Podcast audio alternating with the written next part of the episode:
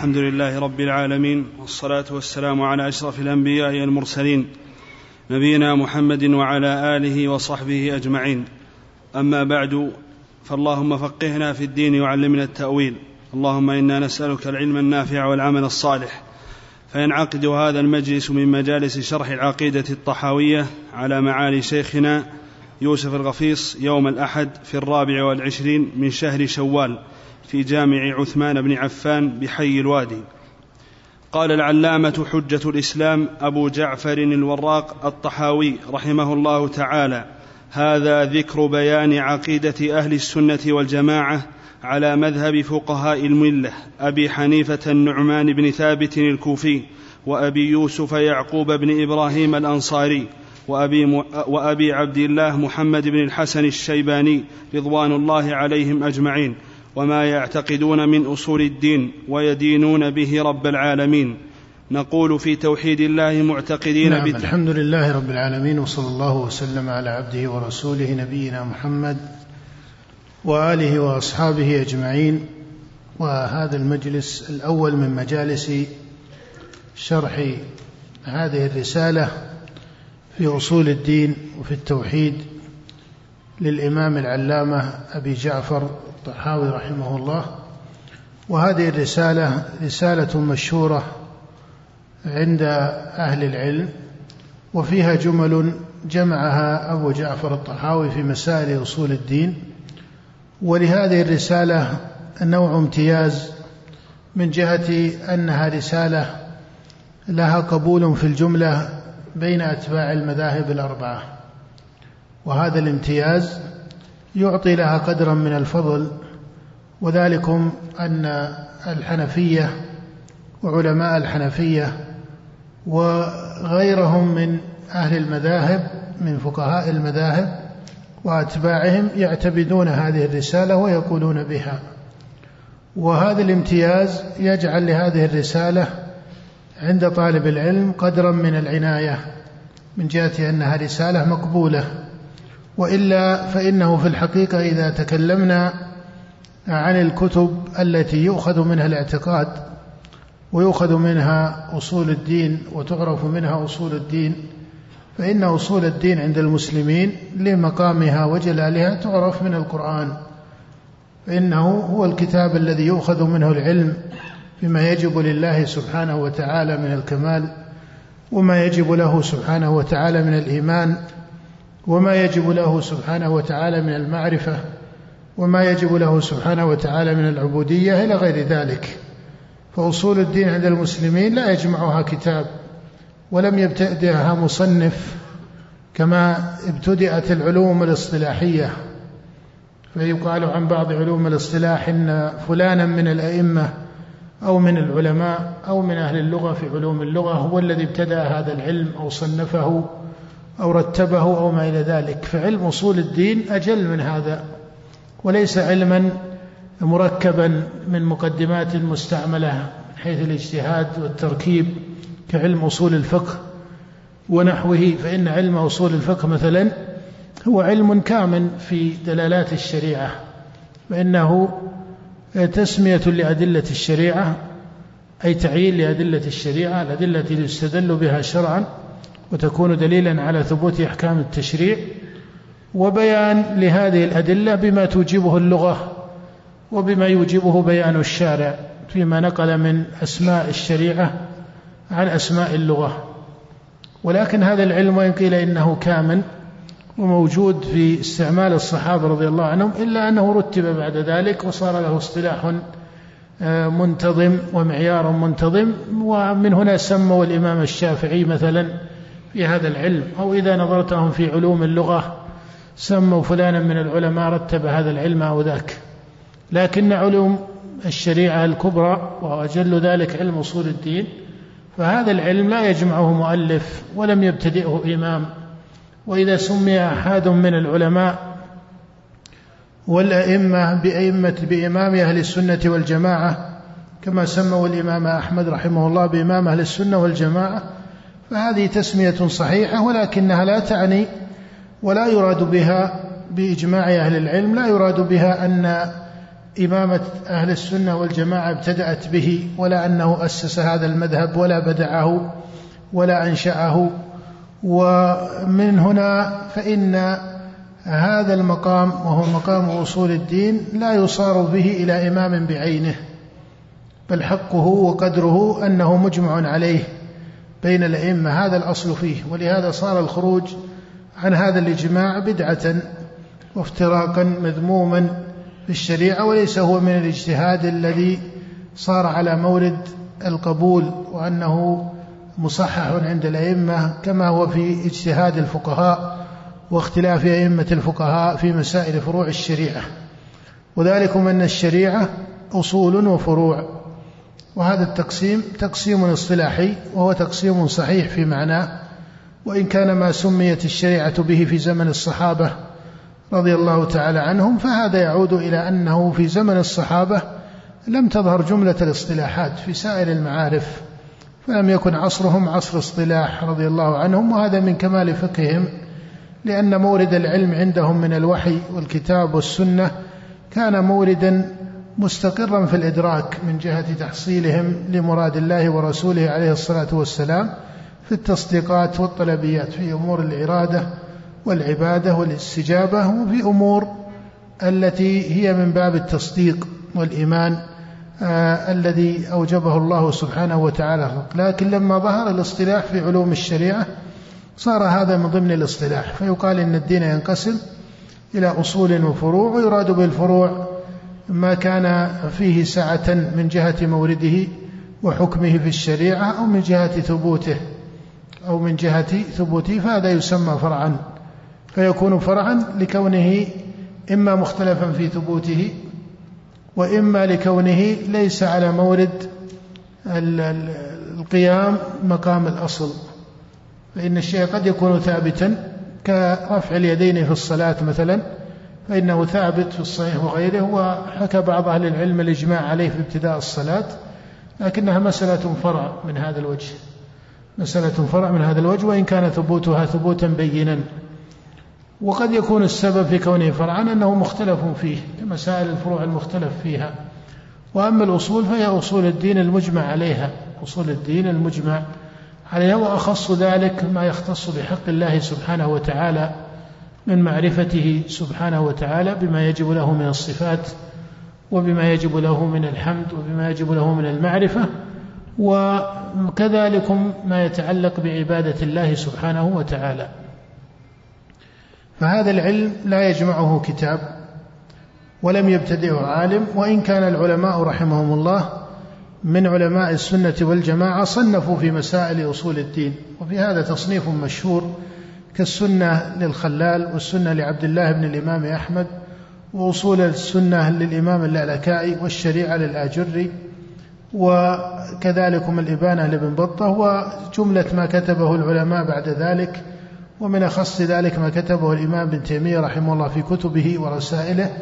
فمثل هذه الكتب آه، ليست هي جمعا أو ابتداء لهذا العلم بل فيها استقراء لموارده من القرآن والسنة وإلا حتى في كتب المحدثين كما هو معلوم في مصنفات أئمة الحديث التي كتبت على طريقة الكتب تجدون كتاب التوحيد كما في صحيح البخاري وتجدون كتاب الإيمان كما في صحيح البخاري أيضا إلى غير ذلك.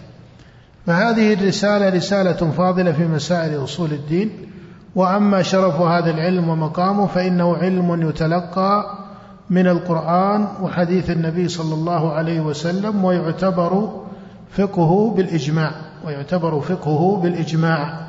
وحينما نقول يعتبر فقهه بالإجماع هذه مسألة مهمة.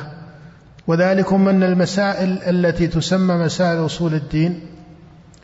إذا قيل ما ضابطها قيل ضابطها هي ما ورد في القرآن والسنة وأجمع عليه عند الأئمة في مسائل الإيمان بالله وحقه وعبادته ومعرفته. وهذا المعنى من ذكر الإجماع يعلم به أن مسائل أصول الدين ليست فقها يجتهد فيه بحيث كل من وصل إلى فقه أو إلى اجتهاد في مسألة من المسائل اختص بهذا الفقه عن غيره من أهل العلم ساغ له أن يسمي هذه المسألة من مسائل أصول الدين بل هذا لا يصح.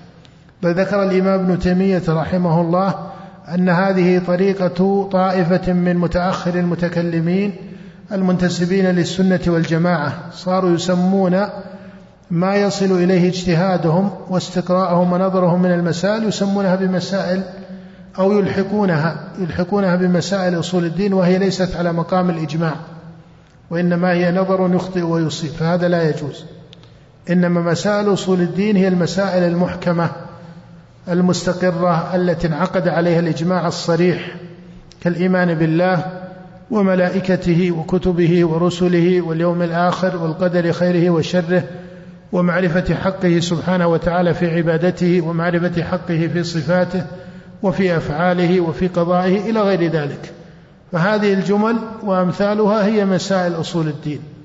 وكذلك الإيمان بنبوة الأنبياء والإيمان بالكتب والإيمان باليوم الآخر وما يكون بعد الموت إلى غير ذلك هذه هي مسائل أصول الدين التي درج فيها النص وتواتر فيها النص وأجمع عليها الصحابة رضي الله تعالى عنهم. وأما ما يعرض من الاجتهاد فهذا لا يجوز إضافته إلى الأصول وإضافته إلى الأصول وهم من أوهام متأخر الطوائف وإن كان ربما عرض لبعض الفضلاء من متأخر الفقهاء اشتراك في ذلك فصاروا ينسبون مسائل إلى أصول الدين وهي ليست منه عند التحقيق. بل الطريقة المحققة أن مسائل أصول الدين هي المسائل التي سلف الإشارة إليها. إذا هذه الرسالة رسالة فاضلة فيها جمع لجملة مسائل من مسائل أصول الدين وكتبها الطحاوي رحمه الله ولكنه استعمل فيها مقاما من الإجمال.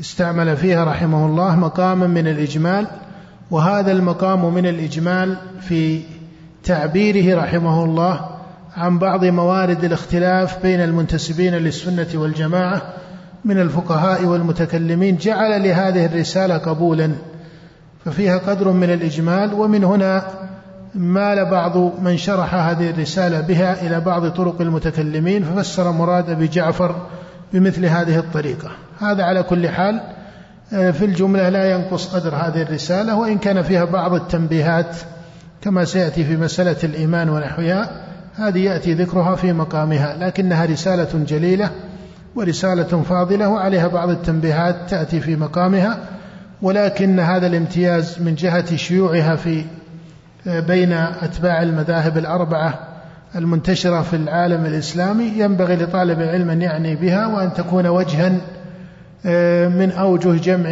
المسلمين على عقيدتهم التي بعث بها الرسول صلى الله عليه وسلم وكفهم عن الافتراق في الدين والاختلاف فيه الذي نهى الله سبحانه وتعالى عنه. نعم. وأشار أبو جعفر رحمه الله إلى أنه كتب هذه الرسالة على أصول الملة والسنة على طريقة الإمام أبي حنيفة وصاحبيه يعني أبا يوسف ومحمد ابن الحسن الشيباني كما سماهما. وتعلمون أن الإمام أبا حنيفة النعمان بن ثابت رحمه الله إمام فقيه مجمع على إمامته في الفقه ومجمع على إمامته في الدين والفضل والعلم والعبادة والإمامة في الدين.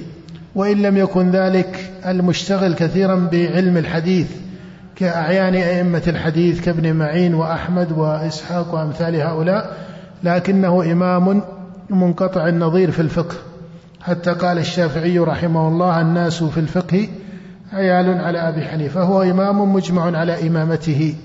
وطعن على عقيدته هذا الإمام الفاضل الكبير طعن على عقيدته بعض الطعن في بعض أوراق في بعض كلمات بعض المصنفين في التاريخ كما يذكر ذلك الخطيب البغدادي رحمه الله في تاريخ بغداد ويذكر ذلك أحيانا بعض المصنفين من أهل العلم.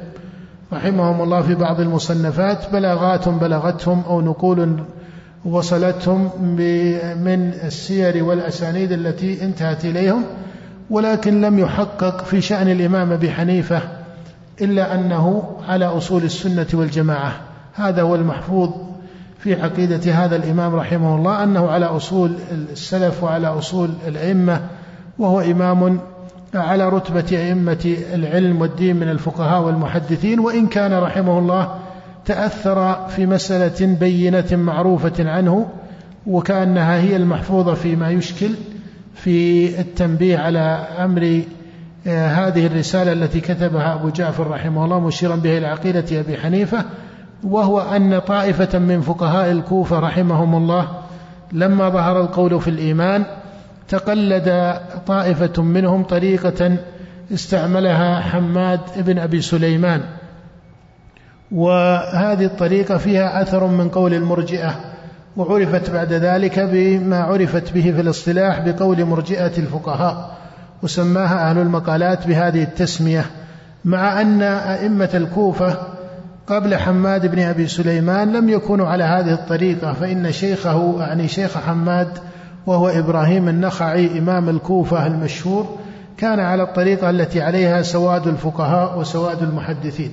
لكن عرض لحماد بن أبي سليمان هذه الطريقة لما جعل العمل ليس داخلا في مسمى الإيمان وإن لم يكن حماد رحمه الله تعالى لم يكن على طريقة المتكلمين ولم يكن على طريقة المرجئة الغالية لكنه استعمل وجها من الإرجاء عرف بإرجاء الفقهاء بعد ذلك. فتقلد أبو حنيفة رحمه الله هذه الطريقة وصار على طريقة حماد بن أبي سليمان وهذا الخلاف بين حماد ومن شاركه كأبي حنيفة وبين الجمهور من أئمة السلف وغيرهم ممن سبقهم من أعيان الصحابة رضي الله تعالى عنهم وهم أئمة السلف الأوائل أي قبل ظهور الخلاف لما كان الإجماع قائما. هذا الخلاف في جملته آه، يقع فيه ما هو لفظي وما هو له حقيقة. وهذا سيأتي التنبيه عليه إن شاء الله في مقامه من الرسالة. لكن إنما يراد التنبيه هنا على أن أبا حنيفة رحمه الله إمام وفضله معروف وديانته وإمامته ومذهبه كما تعرفون في الفقه آه، ربما هو أوسع المذاهب شيوعا. وسبب ذلك ربما شيوعه في بلاد العجم وبلاد العجم يغلب على أهلها الكثرة أكثر من بلاد العرب آه، إلى غير ذلك من الأسباب. لكن آه، هذا المقام الذي عرض في قول مرجئة الفقهاء مقام معروف وله تقديره وسيأتي التنبيه عليه في مقامه وأن هذه بدعة مرجئة الفقهاء ينبه إليها. أما ما طعن به على أبي حنيفة رحمه الله في بعض كتب التاريخ أو بعض الكتب الأخرى على فضل من صنفها وجلالته ففي الجملة هذا لا يثبت بل المحفوظ فضله وهذه هي الطريقة التي يستعملها المحققون من أهل العلم كما هي طريقة الإمام ابن تيمية رحمه الله فإنه أثنى على أبي حنيفة وذكر أن أصوله هي أصول الأئمة كأحمد والشافعي ومالك وإنما أخذ عليه ما أخذ في مسألة آه، الإيمان وهذه مسألة لها تقدير وسيأتي تمييز مقالته ومقالة حماد بن أبي سليمان عن مقالة غيره عن مقالة غيره من المرجئة المتكلمين. ومن هنا لا يجوز الطعن على هذا الإمام ولا يلتفت ويتتبع ويشاع ما يقع في بعض الكتب لأن ما يقع في بعض الكتب هي بلاغات وسير. وكما قال الإمام أحمد رحمه الله شيئان ليس لهما إسناد أو اثنان ليس لهما إسناد المغازي والسير وإذا كان يقع في سير الأنبياء ما ليس ثابتا. وما هو من الحديث عن بني إسرائيل في سير أنبيائهم وحتى في سيرة نبي هذه الأمة محمد عليه الصلاة والسلام ليس كل ما روى أهل السير يكون محفوظا عن رسول الله فكذلك هم سير أهل العلم. ولا سيما أنه في ذلك التاريخ وهذا مهم لطالب العلم أن يعتبره وكان هناك بعض الفرق بين مدرسة أهل الرأي في الفقه وكان أبو حنيفة من أئمتها وأعيانها وبين مدرسة المحدثين فصارت مدرسة الرأي تستعمل القياس بوجه فيه سعة آه، في نظر المحدثين لم يروا أن هذا التوسع كان لائقا في نظر أهل الحديث وكانوا يرون كثرة الاستمساك بالنص والبحث عن الإسناد والرواية لكن الذي انتهى إليه التاريخ أن هذه مدرسة كان لها فضلها وهذه مدرسة كان لها فضلها وتمثل علم الفقه بهاتين المدرستين تمثل علم الفقه بعد ذلك بهاتين المدرستين وجاء في طريقة الإمام الشافعي رحمه الله الاستعمال لهذه الطريقة ولهذه الطريقة. فإنه رحمه الله بنى فقهه في الابتداء عن الإمام الشافعي على فقه الإمام أبي حنيفة وأصحابه.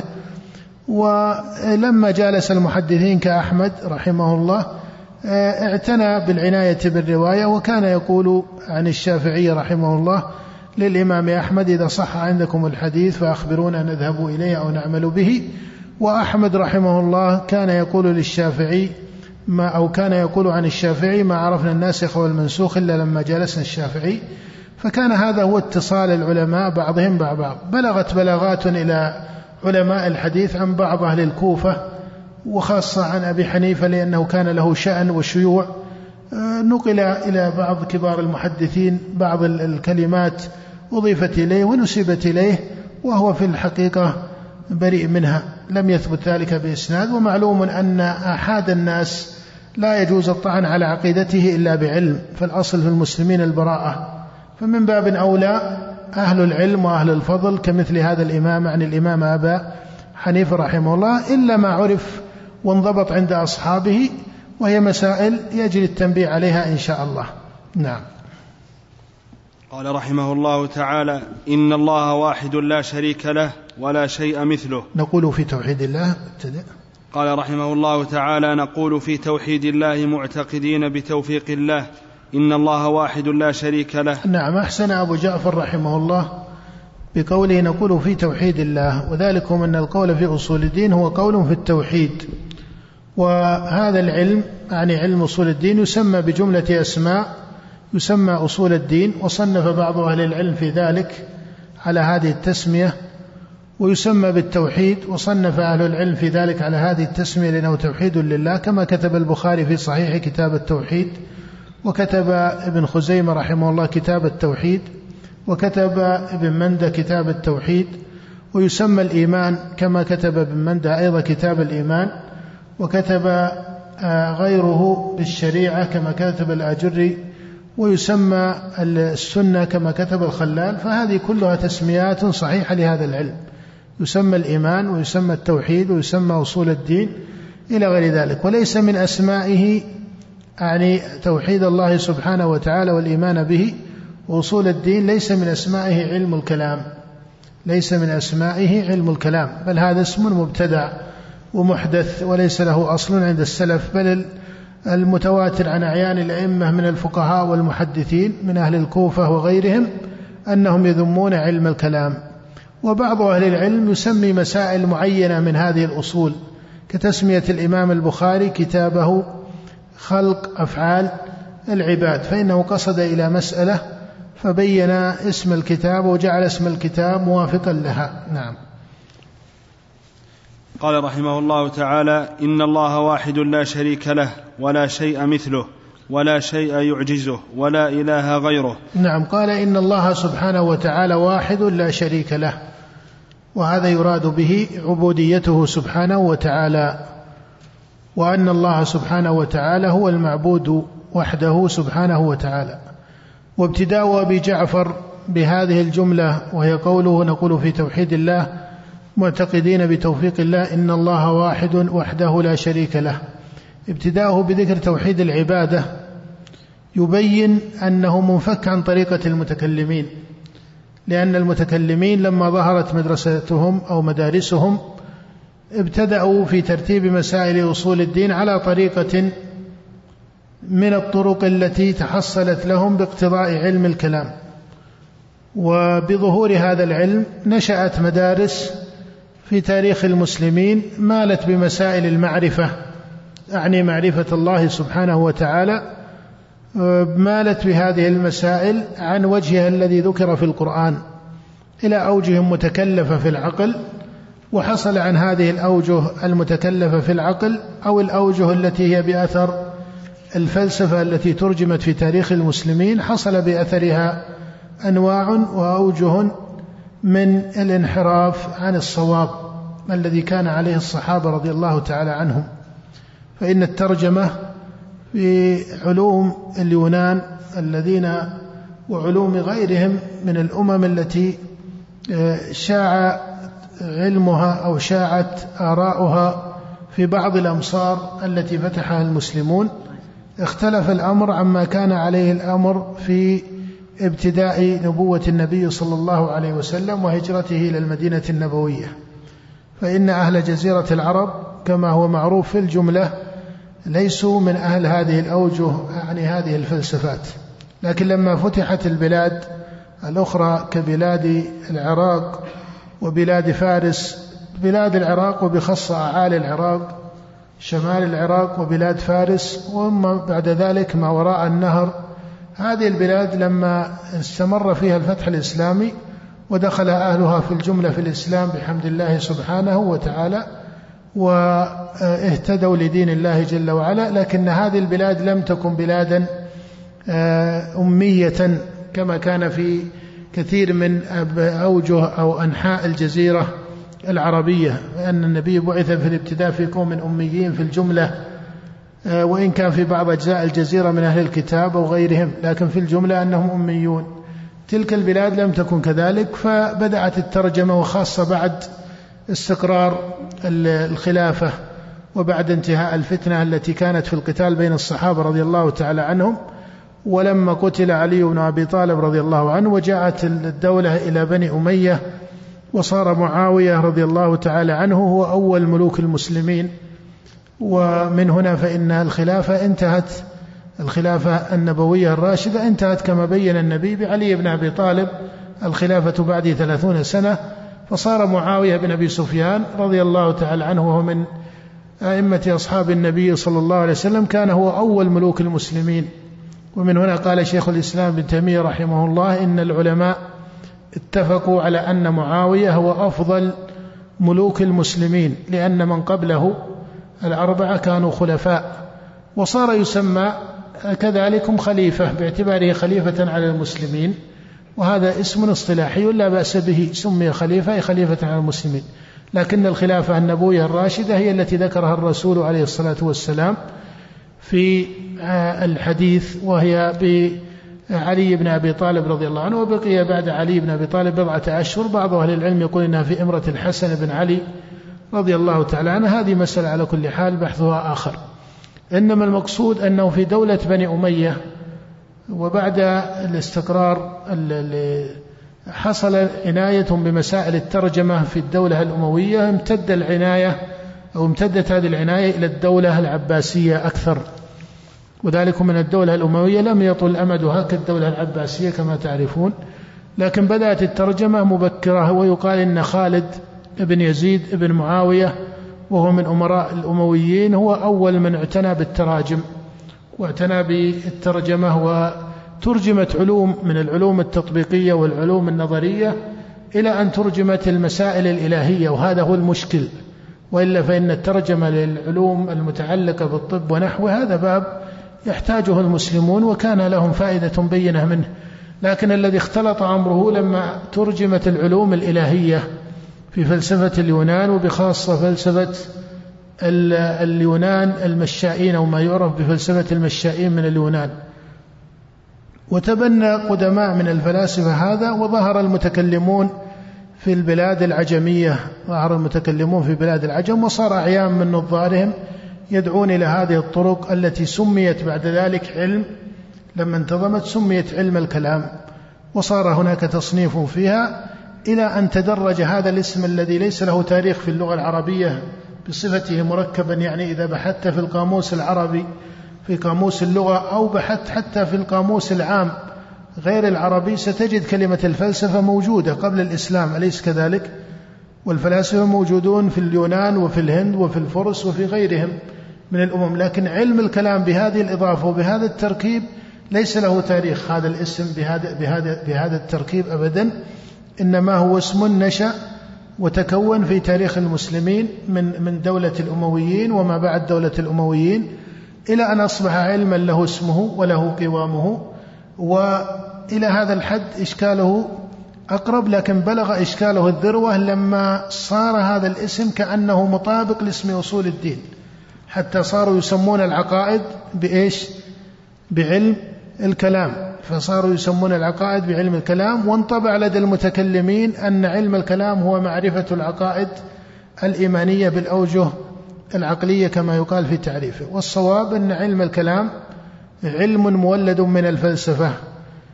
علم مولد من الفلسفة وفيه مقدمات عقلية ومقدمات من الشريعة.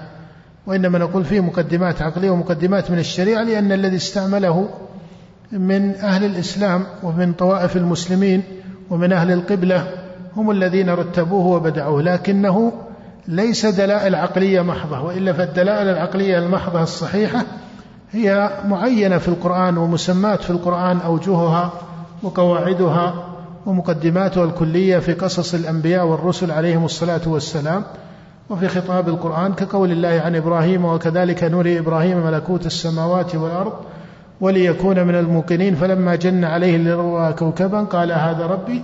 فهذا الخطاب من إبراهيم ومجادلته لقومه ومجادلته لأبيه يا أبت لم تعبد ما لا يسمع ولا يبصر ولا يغني عنك شيئا؟ هذا خطاب عقلي كما ترون وهو خطاب لمن ليس مستجيبا كأبيه وقومه. أيضا إبطال القرآن لعبودية العبادات الباطلة من دون الله. أيضا جاء فيها الخطاب العقلي كقوله سبحانه واتخذ قوم موسى من بعده من حليهم عجلا جسدا له خوار ألم يروا أنه لا يكلمهم وهذا مناشدة لعقولهم فإذا كان لا يكلمهم ولا يهديهم سبيلا فيقتضي العقل. هنا بطلان العبودية له أليس كذلك؟ قال الله تعالى في مسألة البعث وضرب لنا مثلا ونسي خلقه قال من يحيي العظام وهي رميم قال الله تعالى قل يحييها الذي أنشأها أول مرة إلى آخره. فالأوجه العقلية الصحيحة موجودة في القرآن وفي خطاب النبي صلى الله عليه وسلم وفي كتب الأنبياء قبل النبي صلى الله عليه وسلم فليس بين العقل والنقل تعارض. ليس بين العقل وبين النقل تعارض. إنما علم الكلام ليس هو الأدلة العقلية.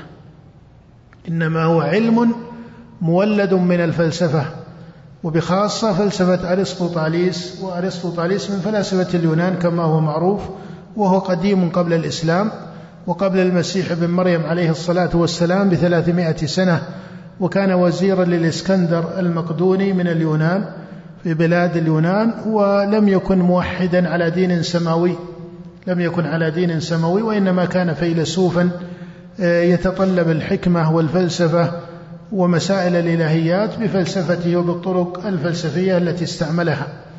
وترجمت آثار هذه الفلسفة وآثار غيرها من الفلسفات الأخرى آه، إلى أن أيضا استعمل الترجمة للفلسفة الإشراقية التي صارت سببا لضلال غلاة الصوفية.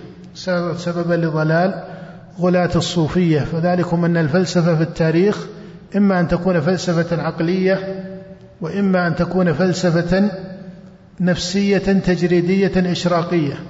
وذلكم أن الفلاسفة ينظرون إلى أن الإنسان فيه قوة العقل وفيه قوة النفس. فمنهم من بنى فلسفته على النفس وتجريدها وإشراقها وفيضها إلى غير ذلك ومنهم من بنى فلسفته على القياس والعقليات. فهاتان فلسفتان قبل الإسلام كانت شائعة في بلاد العجم خاصة وبعض البلاد التي أصبحت الآن من ضمن البلاد التي هي من بلاد العرب لكن ممتدة في بلاد ما وراء النهر وبلاد فارس وما وراءها. إلى غير ذلك الذي تأثر في تاريخ المسلمين تأثروا بهذا وهذا. ومن هنا ظهر فلاسفة في تاريخ المسلمين اشتهروا بالفلسفة ومن أعيانهم يعقوب بن إسحاق الكندي. يعقوب بن إسحاق الكندي هذا تأثر بالفلسفة العقلية أكثر. وظهر بعده أبو نصر الفارابي وأبو نصر الفارابي فلسفته فيها بعض التركيب إلى أن جاء من يسمى بشيخ الفلاسفة الإسلاميين وهو ابن سينا الحسين ابن عبد الله بن سينا وكان عجميا ولم يكن أيضا منتميا إلى مذهب فقهي معروف وإنما كان مشتغلا بالطب وبعض العلوم ومشتغل بالفلسفة اشتغالا معروفا وبنى فلسفتين الفلسفة العقلية والفلسفة النفسية. اشتغل ابن سينا بفلسفة العقل وبفلسفة النفس وكتب في هذا كتبا ككتاب الشفاء وكتاب الإشارات والتنبيهات وكتاب الرسالة الأضحوية التي تكلم فيها عن مسألة المعاد وبين أن المعاد فيها تخييل إلى غير ذلك. وجاء بعده من نقد الفلسفة الإشراقية وهي طريقة أبي الوليد بن رشد الذي جادل ابن سينا في فهمه لفلسفة أرسطو وأن أرسطو كان عقلانيا أو عقليا تجريديا بعيدا عن الإشراق وتبنى أبو الوليد بن رشد الطريقة الفلسفية العقلية المجردة. ولم يؤمن ابن رشد بطريقة الصوفية أو بالإشراق الصوفي أو مثل هذه الأوجه من الفلسفة التي تبناها. ابن سينا ربما يعود السبب إلى أن ابن سينا نشأ باطنيا وأهل بيته كانوا من الباطنية. في الأساس بخلاف ابن رشد فإنه نشأ في بيئة فقهاء وفي بيئة علماء. من علماء المالكية رحمهم الله وأهل بيته كانوا قضاة وفقهاء على مذهب الإمام مالك وأصبح هو أيضا فقيها في مذهب الإمام مالك وصنف فيه ما صنف كما هو معروف. أعني أبا الوليد بن رشد الحفيد صنف في مذهب مالك آه، مصنفات ومن أشهر ما كتب ووصل إلينا من كتبه في الفقه المالكي وهو كتاب في الجملة مقارن لكن فيه عناية بمذهب مالك أكثر وهو كتاب بداية المجتهد ونهاية المقتصد وله تصنيف في علوم أخرى ولعل مما نبدأ به بعد هذا الدرس تصنيف أبي الوليد بن رشد في أصول الفقه في رسالة مختصرة آه، انتزعها من جمل أبي حامد الغزالي رحمه الله. فإن أبا حامد من أعيان من كتب في أصول الفقه كما هو معروف. على كل حال هذا التكون لعلم الكلام والإشارة هذه الفلسفة ظهر معها المتكلمون وأصبح هناك علم الكلام على يد مدرسة قامت واشتهرت وهي مدرسة المعتزلة إلى أن جاءت مدارس تنتسب للسنة والجماعة بعد ذلك كمدرسة أبي الحسن الأشعري ومدرسة أبي منصور الماتوريدي ومدرسة قبلهم عبد الله بن سعيد بن كلاب وأمثال هذه المدارس. ليس لدينا وقت أو, عناية في مثل هذا الدرس الذي يراد به الاختصار في شرح العقيدة الطحوية إلى أن ندخل في موضوعات هذه المدارس أو أو شأنها. إنما نريد أن نصل إلى أن علم الكلام لشيوعه وذيوعه وقيام مدارس عليه ليس هو مطابق لعلم أصول الدين بل هذا علم محدث في تاريخ المسلمين وهو علم مركب من الفلسفة وإن كان فيه مقدمات من الشريعة ومقدمات من العقل لكن مادته مادة فلسفية في الأصل. وقوام أدلته كدليل الأعراض ودليل التركيب ودليل التخصيص هي أدلة في أصلها أدلة فلسفية ولم يكن عند العرب قبل الإسلام ولا بعد الإسلام. فضلا عن القرآن والسنة لما بعث النبي صلى الله عليه وسلم بها لم يكن هنالك استعمال إثبات مسائل الحدوث أو القدم أو ما إلى ذلك بالعرض والجوهر وتعريف العرض وأنه يعرض ويزول ولا يبقى زمانين. على طريقة متكلمة أهل الإثبات في تمييزهم لمذهبهم عن مذهب المعتزلة. مثل هذه الطرق بينها أنها محدثة وصارت سببا لضلال كثير من الناس عن صفاء العقيدة المطابقة للقرآن والسنة. ولهذا الواجب على المسلمين على خاصة المسلمين وهم علماؤهم وعلى عوام المسلمين أن يعتبروا الاعتقاد بقول الله ورسوله. وهذا هو الواجب وهو الذي يوجب الدعوة إليه إلى أن العقيدة الإسلامية هي عقيدة واحدة وهي الإيمان بالله وملائكته وكتبه ورسله واليوم الآخر والقدر خيره وشره ومعرفة الله وتوحيده والإيمان به إلى غير ذلك من أسماء القرآن والحديث. وهذه تعرف من كتاب الله وسنة رسوله عليه الصلاة والسلام ويستعان بما جمعه العلماء رحمهم الله. فإن إذا قلنا السنة لابن أبي عاصم أو السنة للخلال ليس في الكتاب كثير اجتهاد إنما فيه جمع لأقوال النبي صلى الله عليه وسلم ولكلمات القرآن وموارد الآيات التي ذكرت المعاد أو ذكرت القدر أو ذكرت بعض من مسائل أصول الدين. ولذلك فإن هذا العلم ليس ذلك العلم الفاضل بل هو علم مذموم يعني علم الكلام والمسلمون لا يحتاجونه وكما قال الإمام ابن تيمية رحمه الله ولو كان الناس محتاجين في شيء من أصول دينهم أو فروعه إلى ما ليس في كتاب الله وسنة رسوله صلى الله عليه وسلم لم يكن إلا قد أكمل الدين ولا أتم النعمة. فإن الله قال اليوم أكملت لكم دينكم وأتممت عليكم نعمتي ورضيت لكم الإسلام دينا. وكمال الدين هو كمال الأدلة. من كمال الدين كمال الأدلة الموجبة للإيمان ومعرفة الله والموجبة لمعرفة التشريع.